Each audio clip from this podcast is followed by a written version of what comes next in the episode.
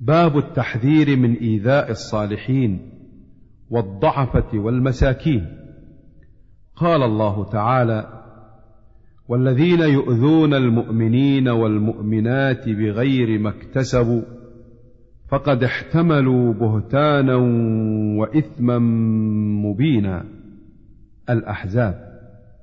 وقال تعالى فأما اليتيم فلا تقهر واما السائل فلا تنهر. الضحى. واما الاحاديث فكثيره منها. حديث ابي هريره رضي الله عنه في الباب قبل هذا.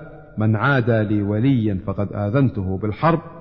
ومنها حديث سعد بن ابي وقاص رضي الله عنه السابق في باب ملاطفه اليتيم.